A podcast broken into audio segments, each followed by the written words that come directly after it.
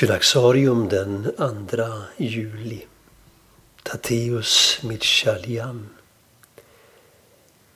Idag firar flera evangeliska kyrkor minnet av tre kristna ledare i Iran som blev martyrer 1994.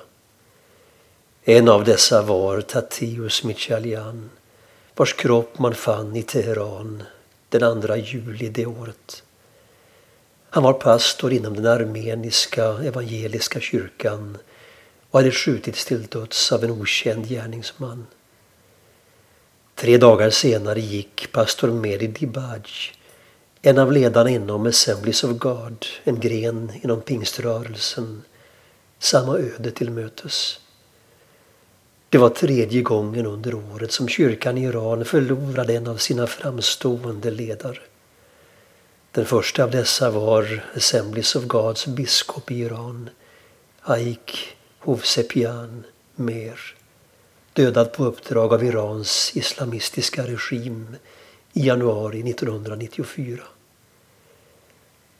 Tateus Michalian, som var född 1932, var vid sin död ordförande för rådet för protestantiska pastorer i Iran. Han hade även andra ledande poster inom sitt lands kristenhet och var bland annat Bibelsällskapets generalsekreterare under 20 års tid. Pastor Michalian översatte själv ett stort antal böcker till persiska. I likhet med många kristna ledare kom den islamistiska revolutionen 1979 att innebära stora svårigheter för Tatius Michalian. I en intervju i en fransk tidning kritiserade han under tidigt 1980-tal de restriktioner som de kristna pålagts efter revolutionen. Tre år senare greps han av myndigheterna som anklagade honom för kontrarevolutionär verksamhet, något han kraftfullt förnekade.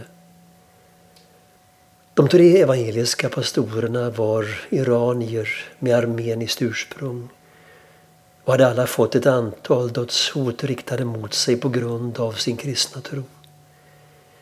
Mehdi Dibaj hade tillbringat tio år i fängelse och var sedan tonåren anklagad för att ha övergivit sin familjs religion. I december 1993 dömdes han till döden men domen upphävdes efter starka internationella påtryckningar. Genom det sätt på vilket de stod fasta i sin tro vägrade svika sina församlingar och inte lät sig skrämmas av regimens hot har dessa martyrer blivit hoppets tecken och viktiga förebilder för många kristna såväl i som utanför Iran.